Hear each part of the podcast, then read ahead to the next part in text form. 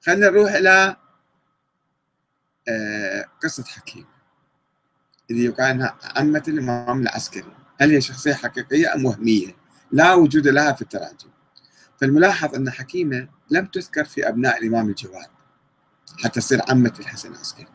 ففي كتاب الإرشاد قال الشيخ المفيد في ذكر محمد بن علي الرضا عليهم السلام في كتاب الإرشاد وخلف الإمام الجواد بعده من الولد علي ابنه الإمام من بعده وموسى وفاطمة وأمامة ابنتيه.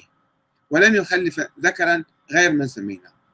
ماكو شي وحدة اسمها حكيمة ولا اسمها خديجة. الإرشاد صفحة 307 الشيخ المفيد يقول بس ناسين أو ما ما منتبهين. لما واحد يألف أسطورة وخرافة بعد ما يتذكر كل شيء الحقائق التاريخية تروح عن باله تبين تنفضح يعني بعدين. كذلك فإن السيد بحر علوم في الفوائد الرجالية. ذكر حكيمة.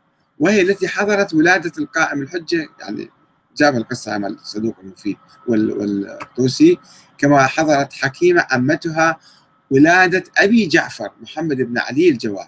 ولادة الجواد وحكيمة آه، آه، مو حليمة حكيمة بالكاف يعني في الموضعين أما حليمة باللام فمن تصحيف العوام يقروها حليمة. ما يدرون حكيمة حليمة كل واحد. قال السروي في المناقب حكيمة بنت أبي الحسن موسى بن جعفر. حكيمة بنت موسى بن جعفر. مو بنت الجواد حفيدة يعني. قالت لما حضرت ولادة الخيزران أم أبي جعفر عليه السلام دعاني الرضا عليه السلام فقال لي يا حكيمة أحضري ولادتها وادخلي وإياها والقابلة بيتا. روح بيت ووضع لنا مصباحا وأغلق الباب علينا. يعني حكيم بنت موسى بن جعفر حضرت ولادة محمد الجواد. سووها هي بنت محمد الجواد وحاضرة إلى ولادة آه، يعني ابن الحسن العسكري. آه، أيضا عدم تعرض المفيد الأكثر كالمفيد في الإرشاد وغيره في كتب التواريخ والسير والنسب لها في أولاد الجواد عليه ما حد ما قايل.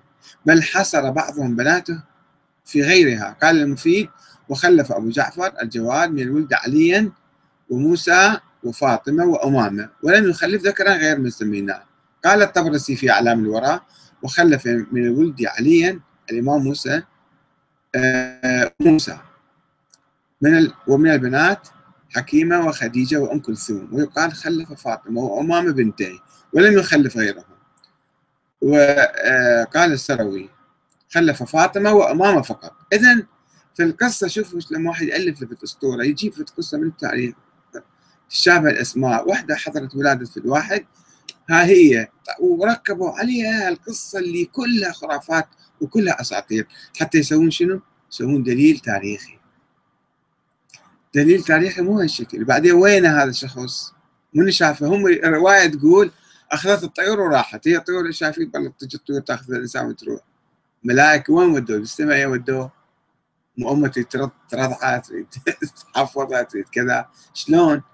يعني اقروا اقروا روايات يجيبوها باسم التاريخ. مو هم الشيخ الطوسي وذولا هم يعرفون الروايات كلها خرط